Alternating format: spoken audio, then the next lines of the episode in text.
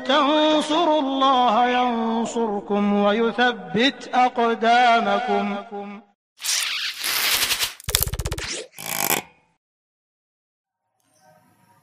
Para ulama menjelaskan bahwa ibadah apapun, kebaikan apapun, amal soleh apapun tidak akan sah dan tidak mungkin diterima oleh Allah kecuali apabila terpenuhi tiga syarat utama.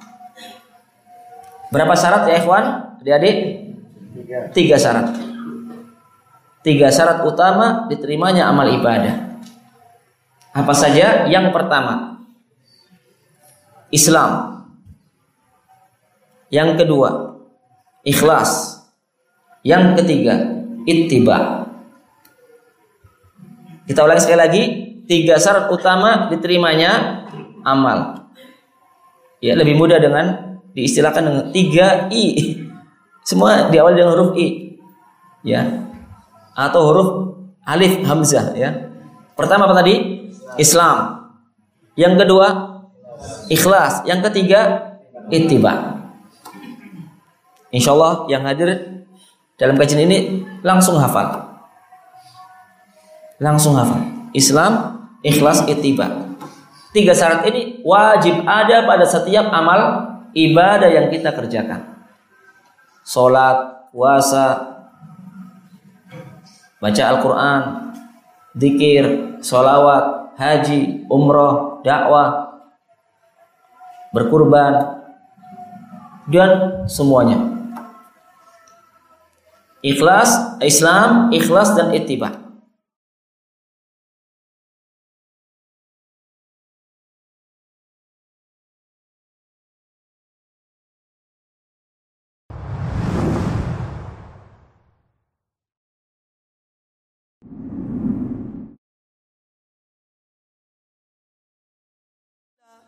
Kata Imam Ibnu Qayyim bahwa al-ikhlas yaitu tasfiyatul fi'li an mulahadhatil makhluqin.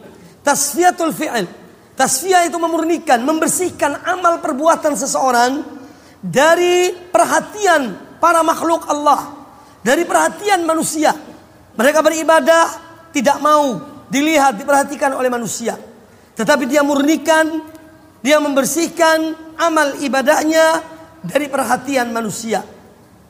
Kemudian ada juga mengatakan bahwa al-ikhlasu istiwa'u a'malil abdi fi dhahir wal batin. Keikhlasan itu adalah kesamaan amal-amal seorang hamba antara yang tampak dan yang tersembunyi. Tidak ada bedanya. Antara apa yang dia tampakkan dan apa yang tersembunyi tidak ada bedanya. Waria sedangkan ria itu adalah an yakuna zahiruhu khairun min batinihi. Sedangkan ria itu adalah suatu amal yang mana yang lahir, yang tampak, yang dilihat itu lebih baik daripada yang di batinnya, yang tersembunyi. Kemudian kata yang menafsirkan tentang ikhlas ini wasidqu fil ikhlas dan kebenaran, kejujuran dalam mengikhlaskan amal ibadah adalah an yakuna batinuhu a'mara min zahirihi. Yaitu ketika seorang dalam melakukan amal-amal ibadah pada Allah taala batinnya lebih makmur daripada lahirnya. Apa yang disembunyikan lebih baik. Ini yang disebut dengan asidku fil ikhlas. Kejujuran dalam keikhlasan hakikat dari keikhlasan pada Allah Subhanahu wa taala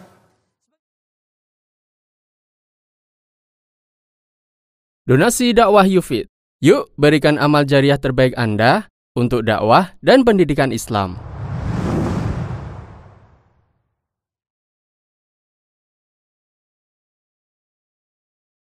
Bagaimana kita tahu bahwa kita ikhlas dan beramal soleh? Masa kita nggak tahu sih Pak? Lo Bapak sholat nggak tahu beramal soleh? Saya ini bingung Ustaz.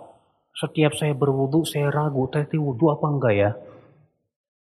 Saya sholat, saya ragu, tadi sholat apa enggak ya? Ini pernah ada orang nanya kepada Ibnu Akil, Pak. Al-Qadhi Ibnu Akil, Hai Qadhi, saya bingung.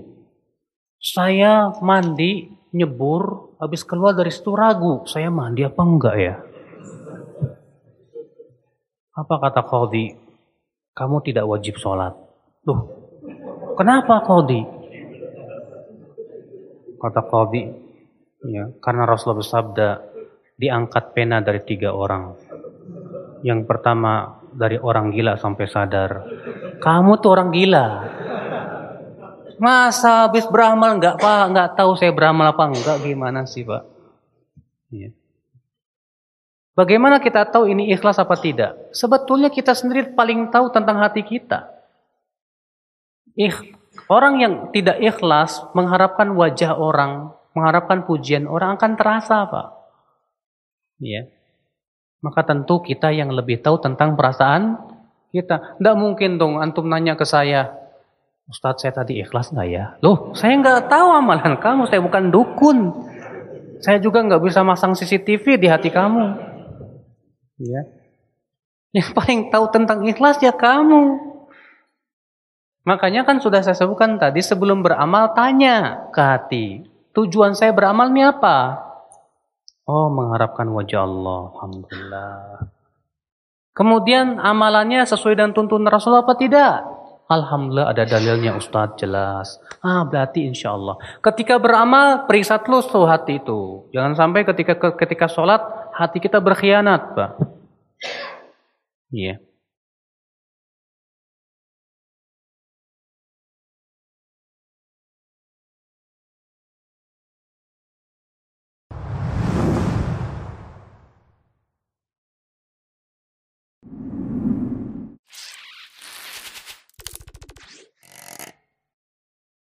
Kata bahasa anak muda sekarang hijrah kan ngetrennya ibu-ibu. Ya, hijrah.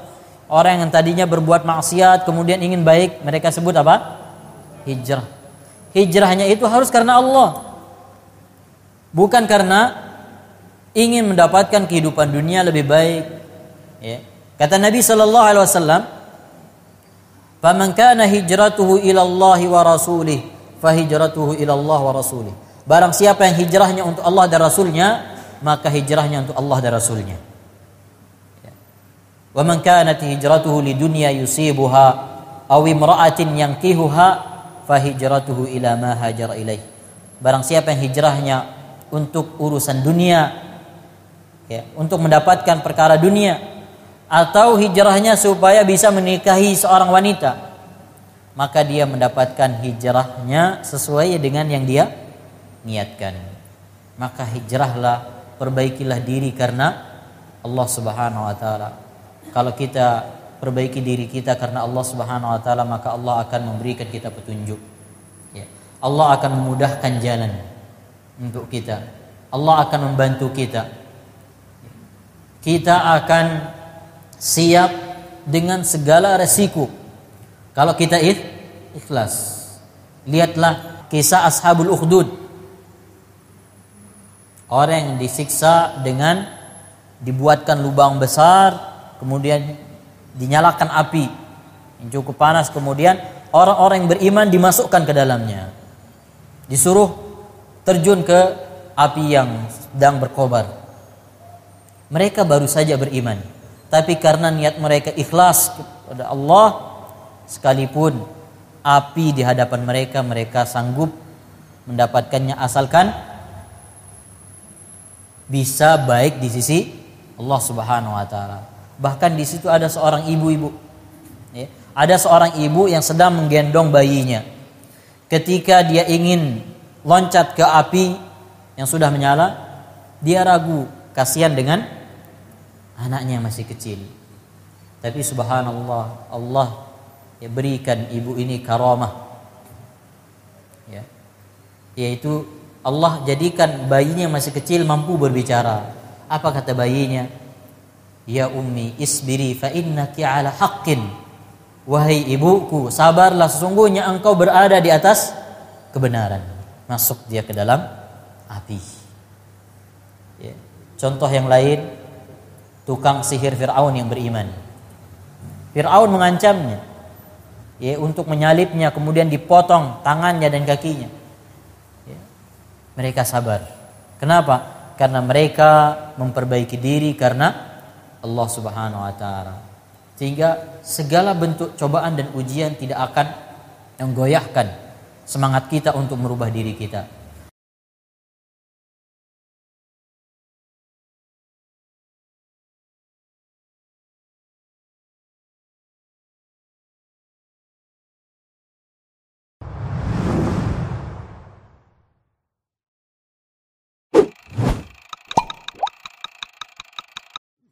Arya. Ria ini biasanya pasangannya sum'ah. Ya. Kalau ria apa itu? Beramal yang ingin ditunjukkan pada orang. Sedangkan sum'ah apa? Beramal dengan apa? Diperdengarkan. Kalau saya tak diperdengarkan maksudnya diceritakan pada orang. Orang ngaji pakai mic kuat-kuat dengan suaranya lantang semuanya. Pokoknya lagu yang paling penting dia sehingga orang kagum melihat dia yang panjang pan dipendekkan, yang pendek dipanjangkan. Pokok irama lah yang penting. Itu ria atau sum'ah? Hah? Ria atau sum'ah? Mana ria, mana sum'ah ini? Hah? Ada ria, ada sum'ah. Ada sum'ah karena dia pendengaran. Ya, sebenarnya harus jelas dulu.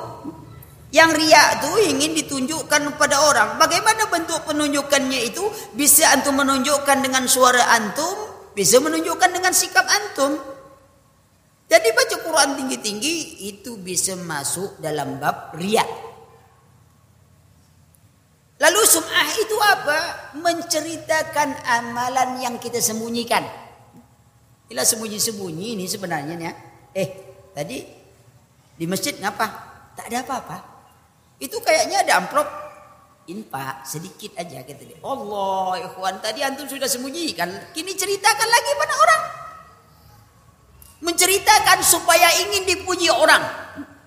Ya, tapi kalau dia bercerita Ustaz, saya ini biasa sholat malam Ustaz. Tapi belakangan ini saya agak apa? Uh, kurang sholat malam. Dalam rangka minta nasihat itu tak sum'ah.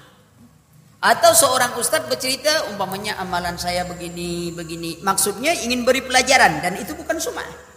Yang masalahnya dia bercerita supaya nanti ustadz seperti saya lah ustadz umpamanya begini gini. Maksud dia supaya dia dipuji orang nah itu jadi sum'ah. Ya, umpamanya saya ustadz sholat malam begini gini. Maksud dia cerita gitu supaya dia dipuji orang. Padahal dia kan sholat malam tak ada orang yang tahu. Nah itu jadi sum'ah. Nah, riya pasangannya biasa sum'ah. Man ra'a Allah yaumal qiyamah, man sama sama Allah yaumal qiyamah. Barang siapa riya maka Allah akan riya kepadanya pada hari kiamat. Barang siapa sum'ah maka Allah akan sum'ah padanya pada hari kiamat. Apa makna riya dan sum'ahnya Allah? Orang riya, orang sum'ah kebiasaannya apa? Menampakkan kebaikan, menyembunyikan keburukan. Kelak Allah akan riak kepadanya, sum'ah kepadanya. Allah nampakkan keburukannya itu di hadapan seluruh makhluk. Maka hati-hati. Allah masih sayang sama kita pak. Apa itu sayangnya Allah? Dosa kita tak berbau kan? Kalau sempat dosa kita itu berbau, saya yakin tak ada satu orang pun yang mau dekat sama kita. Allah sayang. Sehingga banyak maksiat kita lakukan, dosa kita lakukan, tidak ada bau sama sekali. Coba kalau sekali aja kita tak sholat, baunya. Ya, bukan main dua kali semakin lama tak sholat, baunya setengah mati. Ya, tapi Allah sayang. Tak ada bau kita, cuman kita saja tidak tahu kasih sayang Allah. Allah sayang bukan untuk membiarkan kita, tapi Allah menjaga agar cepat kita bertobat dan kembali ke jalan Allah.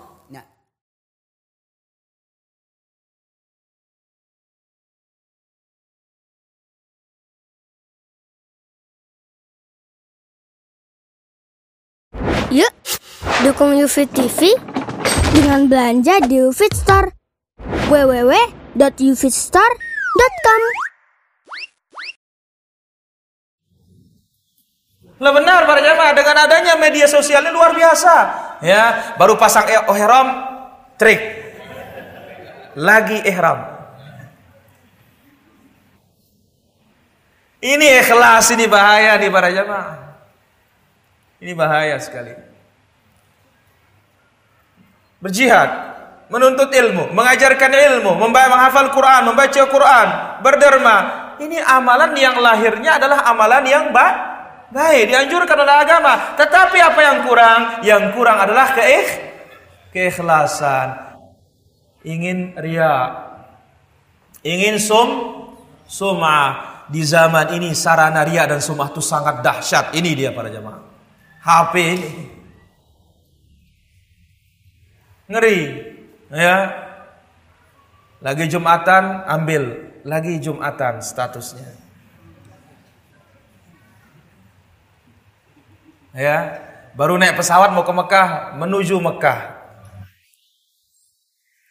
Apa maksudnya ini para jamaah? Kalau tidak memperlihatkan orang, bukankah ini jalan ria? Ini di zaman Nabi Shallallahu Alaihi Wasallam, Nabi bersabda di zaman yang nggak ada foto,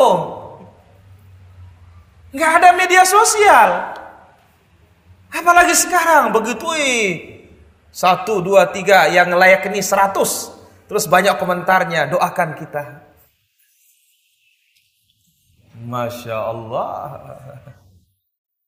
Ini musibatul asr namanya para musibah modern ini para jemaah.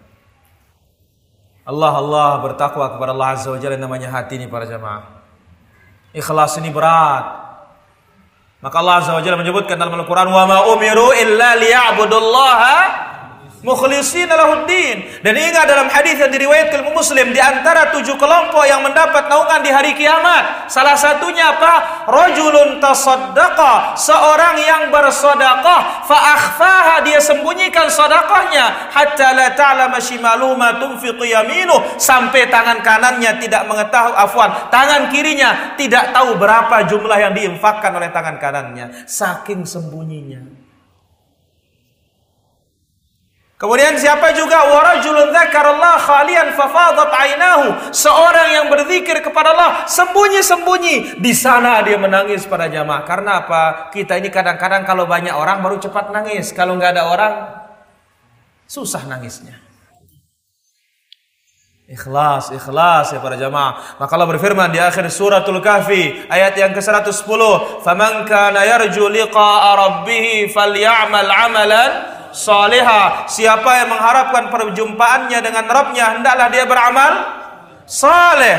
Wala yusyrik bi'ibadati rabbih ahada. Jangan dia mempersekutukan Allah. Amal saleh ini di atas petunjuk Nabi sallallahu alaihi wasallam di atas sunnah. Wala yusyrik bi'ibadati rabbih ahada. Ini ikh, ikhlas. Kemudian dalam suratul Mulk, "Alladzi khalaqal mauta wal hayat liyabluwakum ayyukum ahsanu amala. Allah menciptakan kematian dan kehidupan untuk menguji kalian siapa yang terbaik amalannya. Fudail bin Iyad rahimahullah mengatakan sebagaimana dibawakan dalam kitab dalam tafsir Al-Qurtubi akhlasuhu wa aswabuhu. Kalau amalan itu paling ikhlas dan amalan itu paling benar. Ikhlas kalau karena Allah dan benar ketika mengikuti tuntunan Rasulullah sallallahu alaihi wasallam. Ini amalan sesuai dengan tuntunan Rasul. Sedekah iya Rasul nyuruh Jihad iya Rasul yang nyuruh. Belajar agama iya Rasul yang nyuruh. Hafal Quran Allah yang suruh, Nabi yang suruh. Tetapi apa yang kurang? Ikhlas. Yang pertama supaya dikatakan matisha atau pemberani, pemberani, jagoan, pendekar, pilih tanding. Yang kedua supaya apa menjadi dikatakan orang A? Alim, ini alim besar, lima titelnya. Yang berikutnya supaya dikatakan apa? Ini orang yang sangat der dermawan. Ingin disebut sama orang hati-hati para jamaah. Apa kata ulama kita? Huffuz zuhur yuksimu zuhur. Senang nampak, senang diangkat, ini mematahkan punggung kita para jamaah.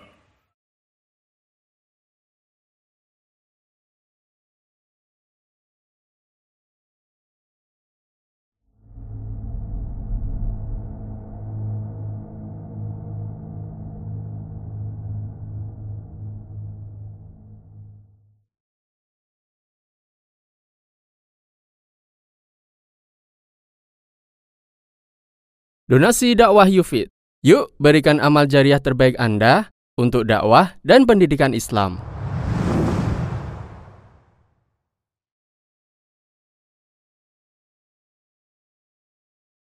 Bila seorang istri beramal karena disuruh suami, Ustadz, dia mengerjakannya dalam rangka taat pada suami meski terkadang agak malas. Apa itu tergolong ikhlas? Di sini Pak, saya ingin mengingatkan Pak, ada sebuah kesalahan dalam memahami makna ikhlas. Sebagian orang menganggap ikhlas itu lawan terpaksa. Jadi kalau terpaksa itu nggak ikhlas. Salah. Ikhlas itu artinya mengharapkan wajah Allah walaupun terpaksa. Walaupun apa? Walaupun terpaksa. Bapak dipaksa, ibu dipaksa sama suami sholat. Tapi sholatnya ikhlas mengharap wajah Allah. Ikhlas namanya. Walaupun terpaksa. Makanya kan disebutkan dalam hadis Nabi SAW, ada orang yang masuk surga dengan rantai. Maksudnya apa? Dipaksa masuk surga. Dipaksa masuk surga, Masya Allah. Maka dari itulah Bapak sekalian, kita jangan menganggap ikhlas itu kalau nggak kalau nggak terpaksa. Kalau terpaksa berarti nggak ikhlas. Enggak. Ikhlas itu mengharapkan wajah Allah. Justru di saat kita berat dan kita paksakan, pahalanya jauh lebih besar. Kenapa di situ ada nilai perjuangan melawan hawa hawa nafsu. Ya.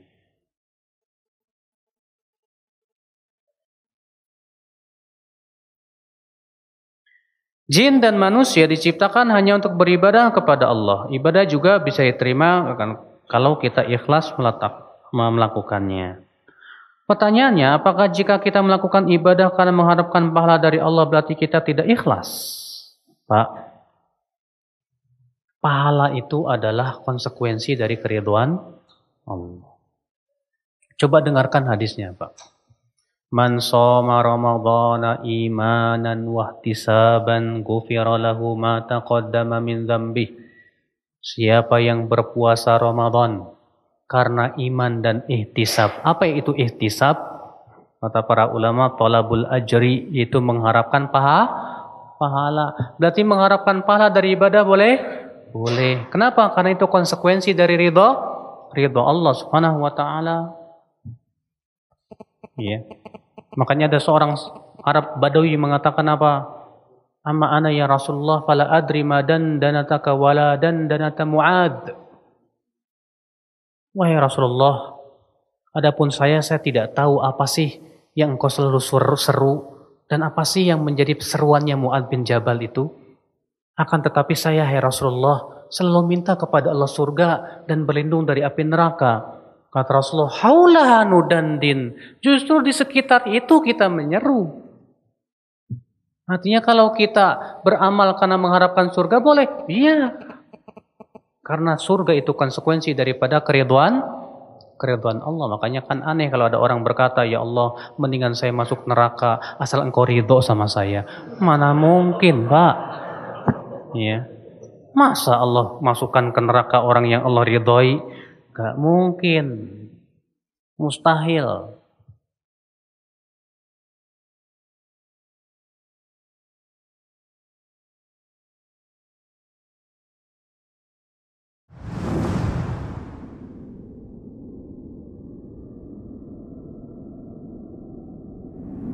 Uh, di antara sebab kebahagiaan adalah ikhlas kepada Allah Subhanahu wa taala. Ini sebab yang juga sangat urgen.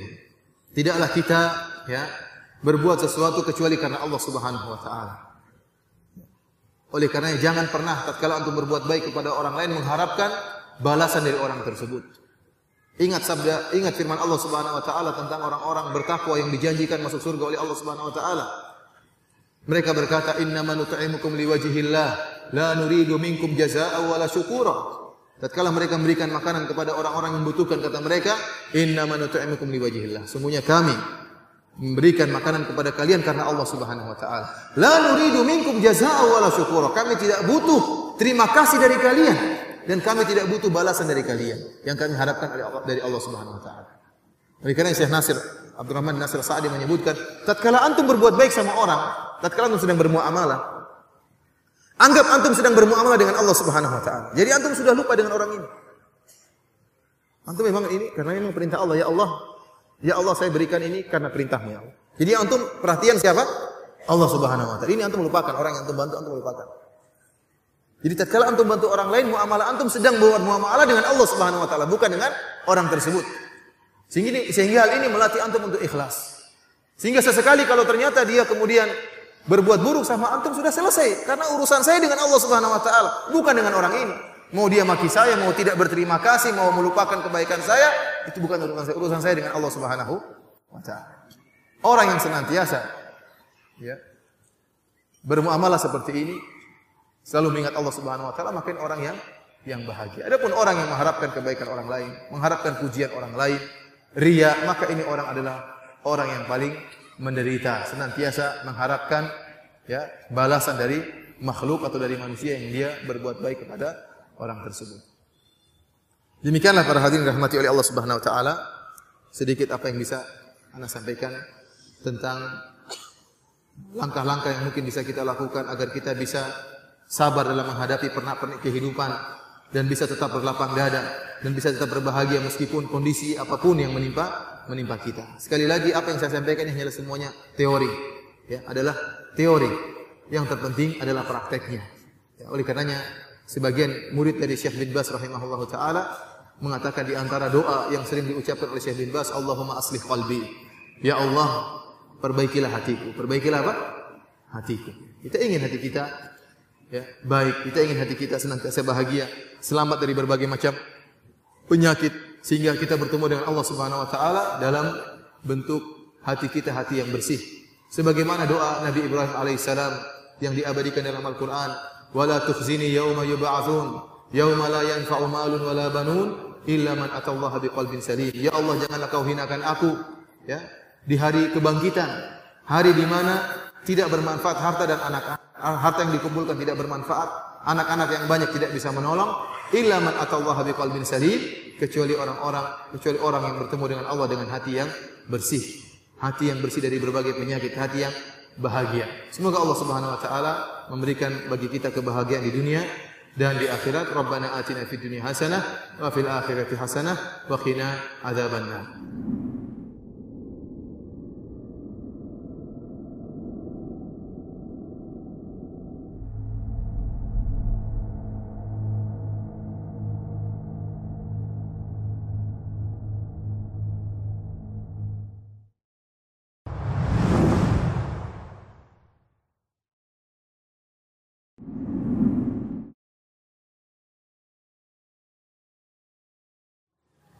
Seorang bisa menjadi orang yang berupaya untuk ikhlas dalam amalnya. Di antara yang disebutkan oleh para ulama, kiat-kiat agar seorang ikhlas dalam beramal. Yang pertama adalah dia betul-betul menyadari bahwa ketika dia melakukan satu amal ibadah adalah dalam rangka melaksanakan perintah Allah Subhanahu wa taala. Karena Allah menciptakannya untuk beribadah pada Allah. Maka amal ibadah yang dia lakukan, yang dikerjakannya, tentu puasa, zakat, haji dan yang lainnya. Dalam rangka melaksanakan perintah Allah subhanahu wa ta'ala. Bukan karena yang lainnya. Ya. Karena Allah mengatakan, وَمَا أُمِرُوا إِلَّا لِيَعْبُدُوا اللَّهَ مُخْلِصِينَ لَهُ الدِّينَ حُنَفَاءَ وَيُقِيمُوا الصَّلَاةَ وَيُؤْتُوا الزَّكَاةَ وَذَلِكَ دِينُ الْقَيِّمَةِ Tidaklah mereka diperintahkan kecuali untuk mengikhlaskan amal ibadah kepada Allah, kepada Allah. Maka seorang ketika dia beramal, hendaklah dia ya istisyar, dia menanamkan dalam dirinya, dia merasakan dalam dirinya bahwa amal yang dia lakukan ini karena perintah Allah. Bukan karena yang lainnya. Allah perintahkan aku beramal, maka aku lakukan amal itu. Satu contoh yang sangat gampang. Masalah wudhu. Wudhu itu mempunyai fadilah yang banyak. Tetapi ketika seorang berwudhu hanya sekedar rutinitas. ya Maka nilai wudhunya berbeda. Dan ketika seorang ketika dia berwudhu. Dia yakin, dia meng meng menghadirkan dalam hatinya bahwa wudhu ini perintah Allah. Ya ayyuhalladzina amanu idza qumtum ila salati faghsilu wujuhakum wa aydiyakum ilal marafiq wamsahu bi ru'usikum warjulakum ilal ka'bain. Wahai orang-orang yang beriman, apabila kalian hendak salat, maka basuhlah wajah-wajah kalian. Tangan-tangan kalian sampai ke siku. Usaplah kepala kalian dan basuhlah kaki kalian sampai kedua mata. Ini perintah Allah. Bukan rutinitas. Kemudian ketika dia melakukan wudhu itu, dia yashur, dia merasakan, menanamkan dalam dirinya bahwa di hari kebangkitan manusia umat ini dibangkitkan oleh Allah Subhanahu wa taala dan mereka mempunyai tanda.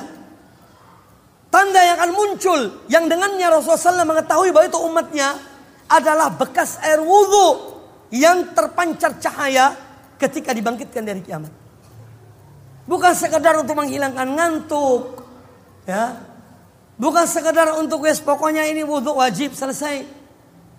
Tapi seorang yang berharap menghadirkan bahwa apa yang dia dia basuh wajahnya, tangannya, kakinya, semoga ini menjadi hal yang memancarkan cahaya di hari kiamat kelak. Jadi di antara upaya-upaya seorang agar dia selalu ikhlas dalam beramal yaitu dengan dia menghadirkan dalam dirinya ketika beramal bahwa ini adalah perintah Allah. Allah memerintahkan aku untuk beramal. Sehingga betul-betul dia beramal karena Allah. Kemudian yang disebut oleh para ulama adalah hendaklah amal itu didasari karena takwa pada Allah Azza wa Jalla. Karena Allah mengancam orang-orang yang meninggalkan kewajiban yang Allah perintahkan. Sebagaimana Allah bertanya kepada mereka yang masuk ke dalam neraka sakor. Masalakakum fi sakor qalu lam nakum minal musallin.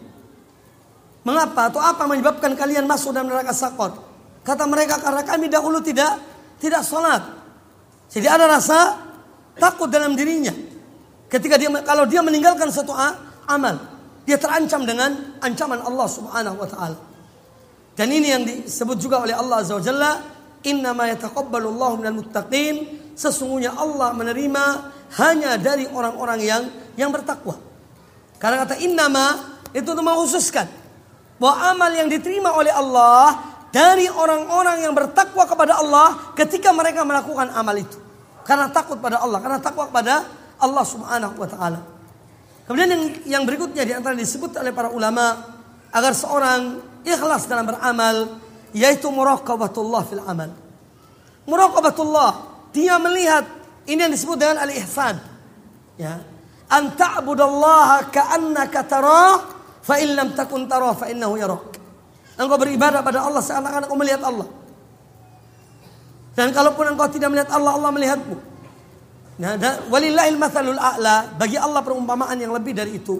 Dalam kehidupan kita sehari-hari di dunia, apabila kita sedang menghadap seorang yang orang ini orang kita hormati, orang ini orang kita segani, ya kita tentu konsentrasi dalam berbicara dengannya, adab dan sopan santun, ya kita berusaha untuk kon konsen agar apa kita tahu apa yang yang kita sampaikan kepadanya dan apa yang diarahkan kepada kita. Itu makhluk dengan mah dengan makhluk. Ya. Nah apalagi seorang uh, menghadap Allah Subhanahu Wa Taala dalam amal ibadahnya maka hendaklah dia selalu merasa bahwa dia diawasi oleh Allah Subhanahu wa taala dan dia beribadah kepada Allah seakan-akan dia melihat Allah Azza wa Jalla. Kemudian yang, yang berikutnya yang disebutkan oleh para ulama agar seorang ikhlas dalam beramal yaitu hendaklah dia memohon pada Allah Azza wa Jalla. Minta keikhlasan pada Allah. Karena keikhlasan bagian dari taufik Allah Azza wa Jalla. Bagian dari hidayah Allah Subhanahu wa taala. Ya. Maka dia mohon pada Allah Azza wa Jalla agar Allah memberikan kepadanya keikhlasan dalam beramal, dalam beribadah, Ya. Betul-betul karena karena Allah Subhanahu wa taala. Kemudian juga yaitu seorang menanamkan rasa takut dalam dirinya kalau-kalau amalnya gugur. Karena orang yang telah belajar dan mengetahui bahwa ibadah itu apabila dilakukan tidak ikhlas karena Allah, maka akan gugur, tidak diterima oleh Allah Azza wa Jalla. Maka seorang ketika dia beramal, dia khawatir Kalau-kalau amalnya karena ketidakikhlasannya akan ditolak oleh Allah Subhanahu wa taala. Maka kita melihat para anbiya, para rasul, mereka mohon pada Allah Azza wa Jalla agar Allah menerima amal ibadah mereka.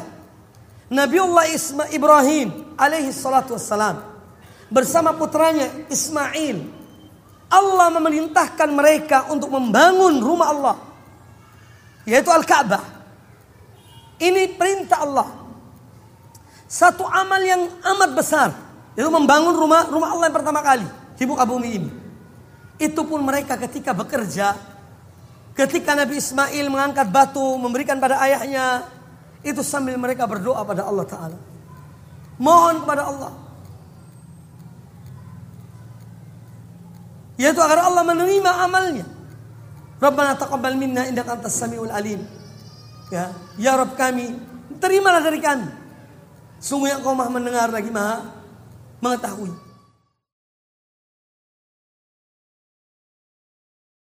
Donasi dakwah Yufid. Yuk berikan amal jariah terbaik Anda untuk dakwah dan pendidikan Islam.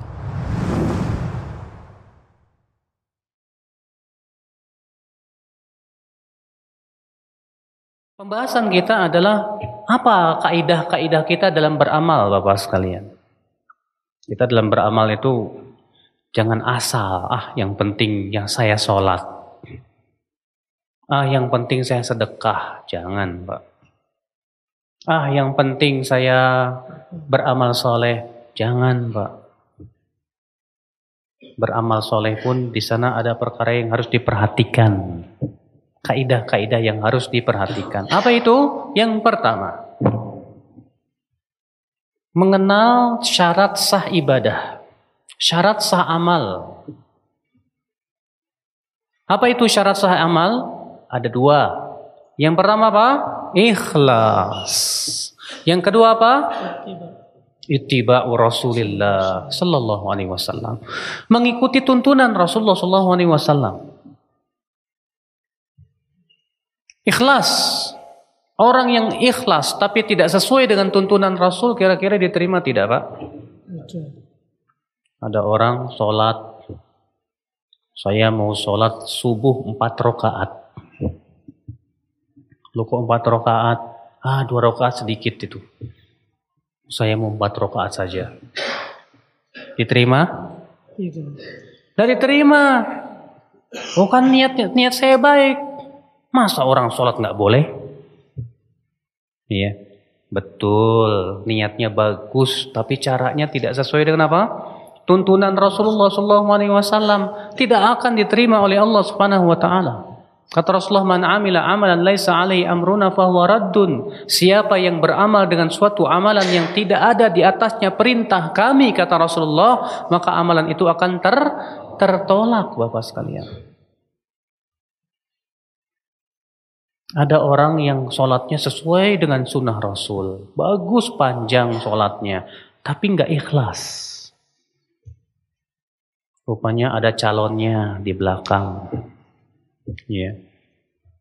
Mengharapkan pujian manusia. Diterima nggak Pak? Tidak. Tidak diterima pahalanya di sisi Allah Subhanahu wa taala. Karena ia telah mengharapkan pujian manusia Ya. Allah Ta'ala berfirman, Ana aghna syuraka'i ani syirk, faman asyraka ma'i fihi ghairi taraktuhu wa syirkahu, kata Rasulullah. Maka kata Allah Subhanahu dalam hadis qudsi, Aku yang paling tidak butuh kepada sekutu. Maka siapa yang mempersekutukan aku, aku akan tinggalkan ia dan kesyirikannya, kata Allah. Tidak bermanfaat. Namun Bapak sekalian, Seseorang itu semakin ikhlas, semakin besar pahalanya di sisi di sisi Allah. Semakin kurang ikhlas, semakin kurang pula ya. Pahalanya di sisi Allah Subhanahu wa taala. Oleh karena itulah Rasulullah SAW bersabda, "Man tasaddaqa bi adli tamratin Idza tasaddaqa ar-rajul bi adli tamratin min kasbin tayyibin taqabbalallahu bi yaminihi fayurabbiha kama yurabbi ahadukum faluwahu hatta tasira mithlal jabal. Apabila seseorang berinfak dengan sebutir kurma, bayangkan sebutir kurma. Siapa di antara antum yang pernah berinfak dengan sebutir kurma? Mungkin fakir miskin pun cuma dikasih sebutir kurma nggak mau, Pak. Ya. Siapa di antara kalian kata Rasulullah seseorang yang berinfak dengan sebutir kurma dari usaha yang halal, Allah akan terima dengan tangan kanannya. Lalu Allah kembang biakan sampai menjadi sebesar gunung, masya Allah. Karena keikhlasan dia mengharapkan wajah Allah Subhanahu wa taala. Maka dari itulah Bapak sekalian, dua perkara ini penting. Ikhlas dan apa? Sesuai dengan contoh Rasul sallallahu alaihi wasallam. Mana dalilnya? Bahwa syarat diterimanya amal itu dua. Itu dalam surat Al-Kahfi ayat 110. Ya, dalam surat Al-Kahfi ayat 110 Bapak sekalian. Allah Ta'ala berfirman, فَمَنْ كَانَ يَرْجُو لِقَاءَ رَبِّهِ فَلْيَعْمَلْ عَمَلًا صَالِحًا وَلَا يُشْرِكْ بِعِبَادَةِ رَبِّهِ أَحَدًا Barang siapa yang mengharapkan pertemuan dengan Robnya, maka hendaklah ia beramal saleh, kata Allah. Dan janganlah ia mempersekutukan Allah dengan apa pun juga. Kata Al-Imam Ibnu Katsir dalam tafsirnya apa? Hadil ayah dalatun ala syartai qabulil amal. Ayat ini menunjukkan kepada apa? Dua syarat diterimanya amal. Yang pertama ikhlas, yang kedua apa? Sesuai dengan tuntunan Rasulullah sallallahu alaihi wasallam. Al-Imam Fudail bin Iyad ketika menafsirkan firman Allah Alladhi khalaqal mauta wal hayata liyabluwakum ayyukum ahsanu amala. Dialah Allah yang telah menciptakan kehidupan dan kematian agar Allah uji siapa di antara kalian yang paling baik amalnya. Allah tidak mengatakan siapa yang paling banyak amalnya. Tapi Allah mengatakan apa? Siapa yang paling baik amalnya? Kata Fudail bin Iyad, ahsanuhu ahsanu ahsanu amala ay akhlasuhu wa aswabuhu. Yang dimaksud dengan amal yang paling baik itu apa? Yaitu yang paling ikhlas dan yang paling benar. Akhlasuhu makana khalisan liwajhillah. Yang paling ikhlas itu yang betul-betul mengharapkan wajah Allah semata. Tidak mengharapkan dunia. Tidak mengharapkan pujian manusia. Sama sekali tidak. Wa aswabuhu makana muwafiqan di sunnati Rasulullah sallallahu alaihi wasallam. Dan yang paling benar apa itu? Yang sesuai dengan tuntunan Rasulullah sallallahu alaihi wasallam.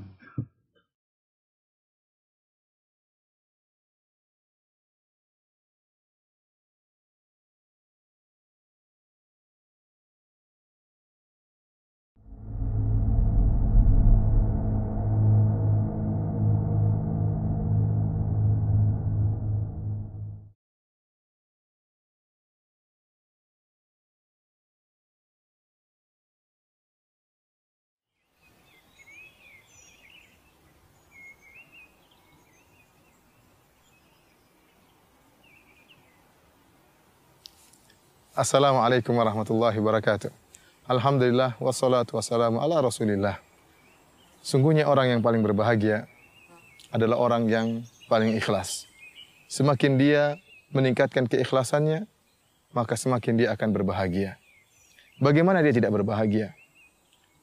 Allah Subhanahu wa taala mengetahui kebaikannya. Allah mengetahui amalannya dan dia menyerahkan ibadahnya semata-mata hanya untuk Allah Subhanahu wa taala seorang di atas muka bumi ini bahagia kalau dia bisa dikenal oleh orang yang mulia, dikenal oleh pejabat, apalagi dikenal oleh misalnya bupati, apalagi dikenal oleh presiden misalnya, dia bahagia. Presiden mengenalnya. Lantas bagaimana jika yang mengenalnya adalah Rabbul Alamin, pencipta dan penguasa alam semesta ini? Yang jika menghendaki sesuatu hanya mengatakan kun, fayakun. Orang yang ikhlas adalah orang yang paling bahagia. Suatu saat Rasulullah SAW pernah berkata kepada Ubay bin Ka'ab, Abul Munzir radhiyallahu taala anhu, Kata Rasulullah SAW, Ya Ubay, Inna Allah amarani an aqra an aqra'a alaikal Qur'an. Wahai Ubay, sungguhnya Allah Subhanahu wa taala memerintahkan aku untuk membacakan Al-Qur'an kepadamu. Maka Ubay berkata, Hal sammani laka ya Rasulullah. Apakah Allah menyebutkan namaku kepadamu? Kata Rasulullah SAW, sama kali. Iya, Allah Subhanahu Wa Taala telah menyebut namamu di hadapanku. Maka faja'ala Ubay yabki. Maka Ubay bin Ka'ab pun menangis. Kenapa? Menangis sangat gembira. Allah Subhanahu Wa Taala mengenalnya. Allah menyebut namanya. Orang ikhlas, dia tahu bahwasanya Allah mengetahui amal ibadahnya. Meskipun mungkin orang lain tidak ada yang melihatnya. Mungkin orang lain tidak mempedulikannya. Mungkin orang orang lain merendahkannya, tapi dia tahu dan dia yakin bahwasanya apa yang dia lakukan, kebaikan yang dia lakukan diketahui oleh Allah Subhanahu wa taala. Oleh karena Syekh Nasir Sa'di, Abdurrahman bin Nasir Sa'di rahimahullah dalam kitabnya Al-Wasail Al-Mufidah lil Hayati Sa'idah, kiat-kiat untuk meraih kebahagiaan. Dia menyebutkan di antara hal yang bisa mendatangkan kebahagiaan, itu seorang tatkala berbuat baik kepada orang lain, jangan dia menganggap sedang bermuamalah dengan orang lain tersebut, tetapi dia sedang bermuamalah kepada Allah Subhanahu wa taala. Tatkala dia memberikan sumbangan kepada orang lain, tatkala dia memberikan bantuan uang kepada orang lain, dia ingat bahwasanya sekarang ini dia sedang bermuamalah dengan Allah Subhanahu wa taala. Allah sedang melihat dia memberi sumbangan. Muamalah dia bukan dengan orang yang dia bantu tetapi muamalah dia dengan Allah Subhanahu wa taala. Sehingga jika perkaranya demikian, yang dia harapkan hanyalah pujian Allah Subhanahu wa taala. Yang dia harapkan Allah mengetahui siapa dirinya. Semakin dia ikhlas, semakin tidak ada orang yang mengetahui amalannya, Allah akan semakin mengetahui dia. Ya. Allah akan semakin mengenalnya. Allah akan semakin mencintainya. Oleh karena dia tidak peduli dengan komentar orang-orang yang dia bantu. Dia tidak dia tidak peduli dengan komentar orang lain. Dan syiarnya sebagaimana orang-orang yang bertakwa yang Allah sebutkan dalam Al-Qur'an, "Innama nut'imukum liwajhillah, la nuridu minkum jazaa'an wala syukura." Kata mereka, kami memberi makan kepada kalian karena Allah Subhanahu wa taala. Muamalah kami dengan Allah Subhanahu wa taala. Bukan dengan kalian. La nuridu minkum jazaa'an wala syukura. Kami tidak butuh dari kalian terima kasih dan kami tidak butuh dari kalian balasan. Inilah orang yang ikhlas, orang yang paling bahagia. Adapun orang yang tidak ikhlas, dia senantiasa sibuk mendengar komentar orang lain, bagaimana amalan dia, apakah dia dipuji, apakah dia dicela. Tapi orang ikhlas dia tidak peduli dengan perkataan orang lain. Yang penting dia baik di hadapan Allah Subhanahu wa taala. Dia tahu bahwasanya pujian manusia tidak akan meninggikan derajatnya dan dia tahu bahwasanya celaan manusia pun tidak akan merendahkan derajatnya. Yang penting dia baik di hadapan Allah Subhanahu wa taala. Benar-benar konsentrasi dia bahwasanya dia bermuamalah dengan Allah Subhanahu wa taala. Karenanya para pemirsa yang dirahmati oleh Allah Subhanahu wa taala, di antara tujuh golongan yang akan Allah naungi pada hari kiamat kelak, ada dua orang yang ikhlas. Ya, yang Allah menyebutkan atau Rasulullah SAW sebutkan tentang ciri khusus mereka itu ikhlas.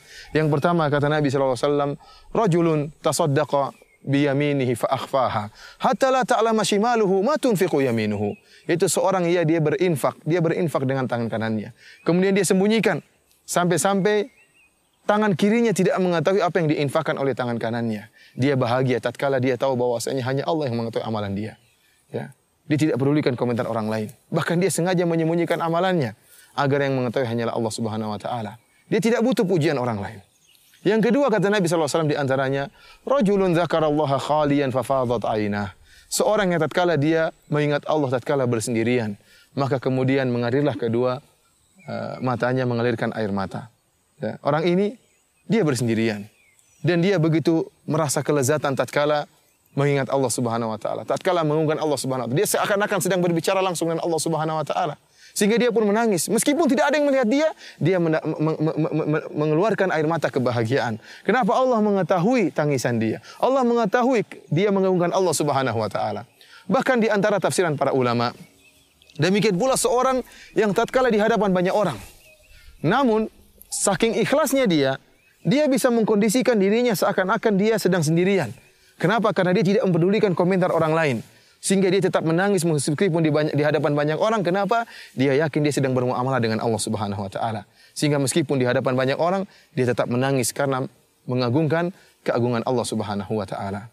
Para mirsa yang dirahmati oleh Allah Subhanahu wa taala, Anda akan bahagia jika Anda mengikhlaskan amalan ibadah Anda hanya kepada Allah Subhanahu wa taala. Adapun jika Anda kemudian sibuk dengan komentar orang lain, ya, sibuk dengan pujian orang lain, atau sibuk dengan cercaan orang lain terhadap Anda, maka Anda tidak akan pernah bahagia. Karena tidak mungkin ada seorang pun yang akan dipuji oleh semua orang. Tidak mungkin, mustahil. Mustahil. Betapapun baiknya Anda, pasti ada yang memuji dan pasti ada yang mencela. Kalau Allah Subhanahu wa taala Rabbul Alamin, pencipta alam semesta ini tidak selamat dari celaan ciptaannya, ciptaan makhluknya. Mereka mengatakan yadullahi maglulah. Orang-orang Yahudi mengatakan bahwasanya tangan Allah terbelenggu. Mereka mengatakan innallaha faqir wa nahnu agniya. Sungguhnya Allah Subhanahu wa taala miskin dan kamilah yang kaya. Allah Subhanahu wa taala tidak selamat dari cercaan orang lain, cercaan makhluknya. Nabi wasallam yang memiliki akhlak super mulia pun tidak selamat dari cercaan kaumnya. Bagaimana dengan kita? Bagaimana dengan Anda?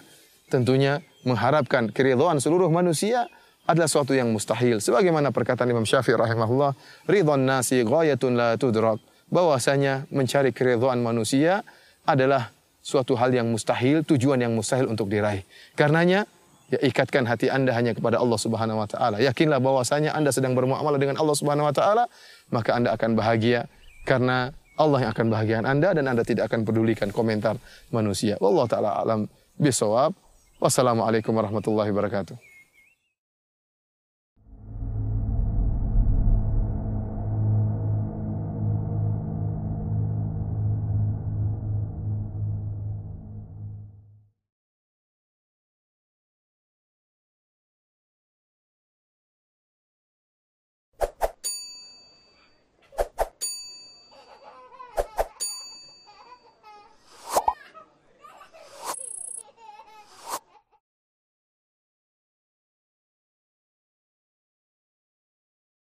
Assalamualaikum warahmatullahi wabarakatuh. Alhamdulillahi wassalatu wassalamu ala rasulillah wa ala alihi wa sahbihi wa man wala ma ba'du. Saudaraku yang dirahmati oleh Allah subhanahu wa ta'ala, Al-Hafidh Ibn Qayyim rahimahullah ta'ala mengatakan dalam nuniyahnya, Ibadatul Rahmani ghayatu hubbihi ma'a dhulli abidihi huma qutbani hakikat ibadah kepada Ar-Rahman yang Maha Pengasih adalah kesempurnaan cinta terhadapnya, cinta dan pengagungan terhadap Allah, Subhanahu wa taala dibarengi dengan kesempurnaan rasa tunduk, rasa rendah dan penghinaan diri di hadapannya. Keduanya adalah dua kutub yang tidak terpisahkan, harus ada dalam setiap ibadah kita.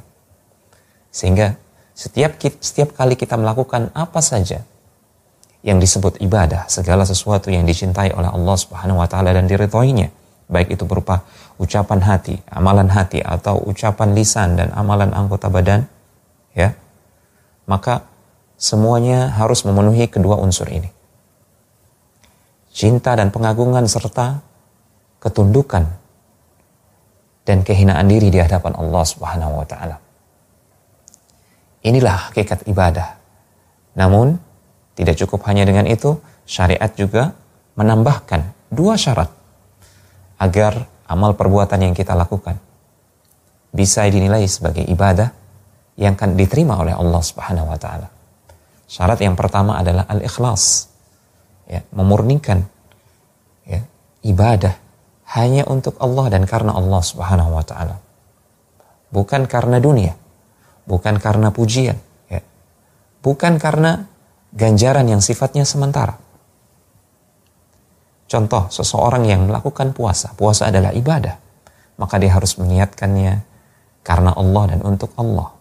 Karena itu adalah perintah Allah Subhanahu wa taala sebagai wujud rasa cinta kita dan pengagungan kita kepadanya dan sebagai bentuk ketundukan kita kepada Allah Subhanahu wa taala. Ini adalah al-ikhlas. Bukan karena niat yang lain. Ada seseorang yang ber, berpuasa tujuannya hanya karena ingin sehat maka orang yang seperti ini, kata para ulama, tidak mendapatkan ganjaran ukhrawi. Mungkin dia hanya mendapatkan apa yang dia niatkan, yaitu kesehatan saja.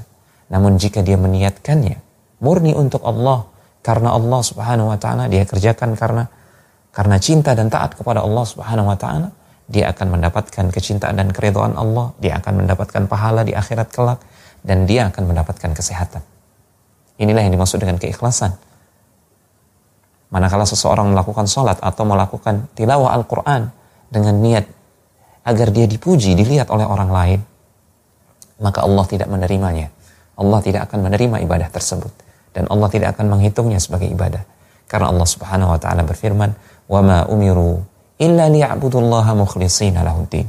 Tidaklah mereka diperintahkan melainkan untuk memurnikan niat ibadah hanya untuk Allah Subhanahu wa taala semata. Kemudian syarat yang kedua adalah al-mutaba'ah.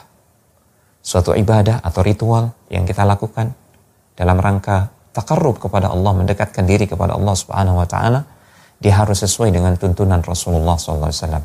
Harus mengikuti petunjuk Rasulullah SAW.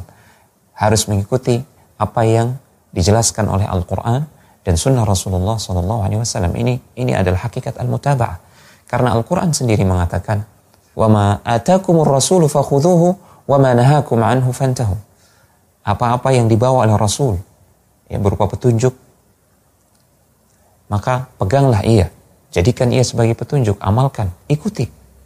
Dan apa-apa yang dilarang oleh Rasulullah SAW, jauhi, jangan dekati, jangan lakukan.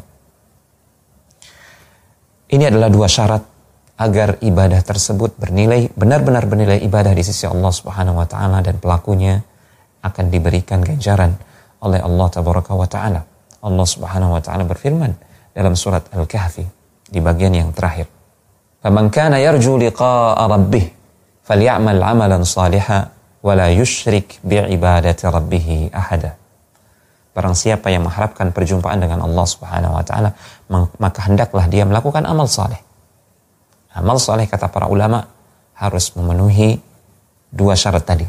Yang pertama ikhlas dan yang kedua al-mutaba'ah.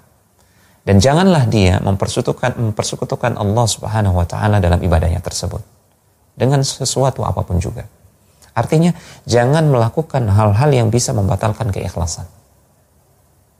Manakala seseorang melakukan amal ibadah dengan ikhlas, ya, namun dia tidak melakukannya sesuai dengan contoh Rasulullah SAW, ya, dia melakukannya tidak sesuai dengan petunjuk Rasulullah SAW, ini pun tidak bisa disebut sebagai ibadah, walaupun ikhlas. Seseorang melakukan amal soleh dengan benar, sesuai dengan petunjuk Rasulullah SAW, sesuai dengan tuntunan Al-Quran, namun dia melakukannya tidak di atas keikhlasan, ini pun tidak bisa disebut sebagai ibadah. Sampai kedua syarat ini berkumpul dalam suatu ibadah.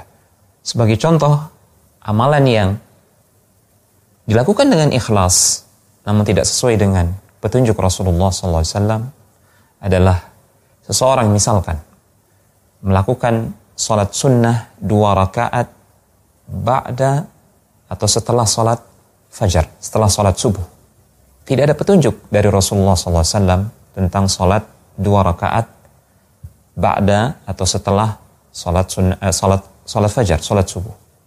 Maka seseorang yang melakukannya dengan ikhlas sekalipun, ya, namun karena hal tersebut tidak berdasar dari petunjuk Rasulullah SAW, maka itu tidak bisa disebut sebagai ibadah yang diterima oleh Allah Subhanahu Wa Taala. Contoh lain misalkan, melakukan ritual, ritual-ritual tertentu ya, dalam rangka merayakan hari kelahiran Rasulullah Shallallahu Alaihi Wasallam.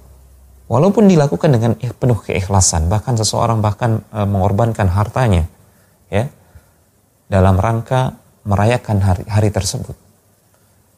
Walaupun seseorang melakukannya dengan keikhlasan, namun karena ini adalah amalan yang tidak dicontohkan oleh Rasulullah SAW dan para sahabat beliau, maka amalan ini tertolak berdasarkan hadis Rasulullah SAW yang diriwayatkan oleh ibunda Aisyah yang diriwayatkan oleh Imam Al Bukhari man ahdatha fi amrina hada ma laysa minhu fahuwa raddun barang siapa mengada-adakan dalam urusan kami dalam agama kami ini ya ibadah yang tidak dicontohkan sesuatu yang baru sesuatu yang baru dalam agama yang tidak di, dicontohkan oleh Rasulullah SAW maka amalan tersebut adalah amalan yang tertolak dalam riwayat Muslim disebutkan, "Man amila amalan laisa alaihi amruna fahuwa raddun." Barang siapa mengamalkan suatu amalan atau ritual ibadah yang di situ tidak ada petunjuk Rasulullah SAW di dalamnya, maka amalan tersebut tidak akan diterima oleh Allah Subhanahu wa taala atau tertolak.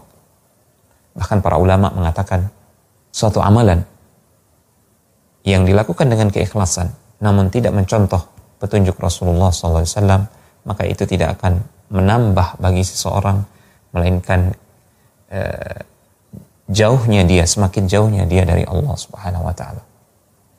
Ikhlas dan mutabaah barulah amal ibadah kita akan diterima oleh Allah Subhanahu wa taala.